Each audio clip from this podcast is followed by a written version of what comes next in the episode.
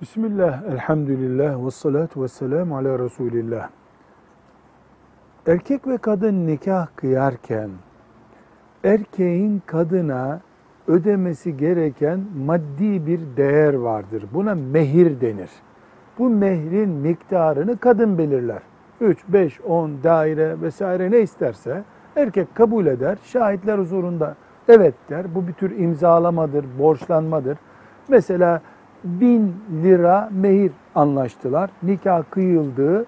Bu nikahtan sonra o para ister hemen alsın ister borç olsun kadının yüzde yüz hakkıdır.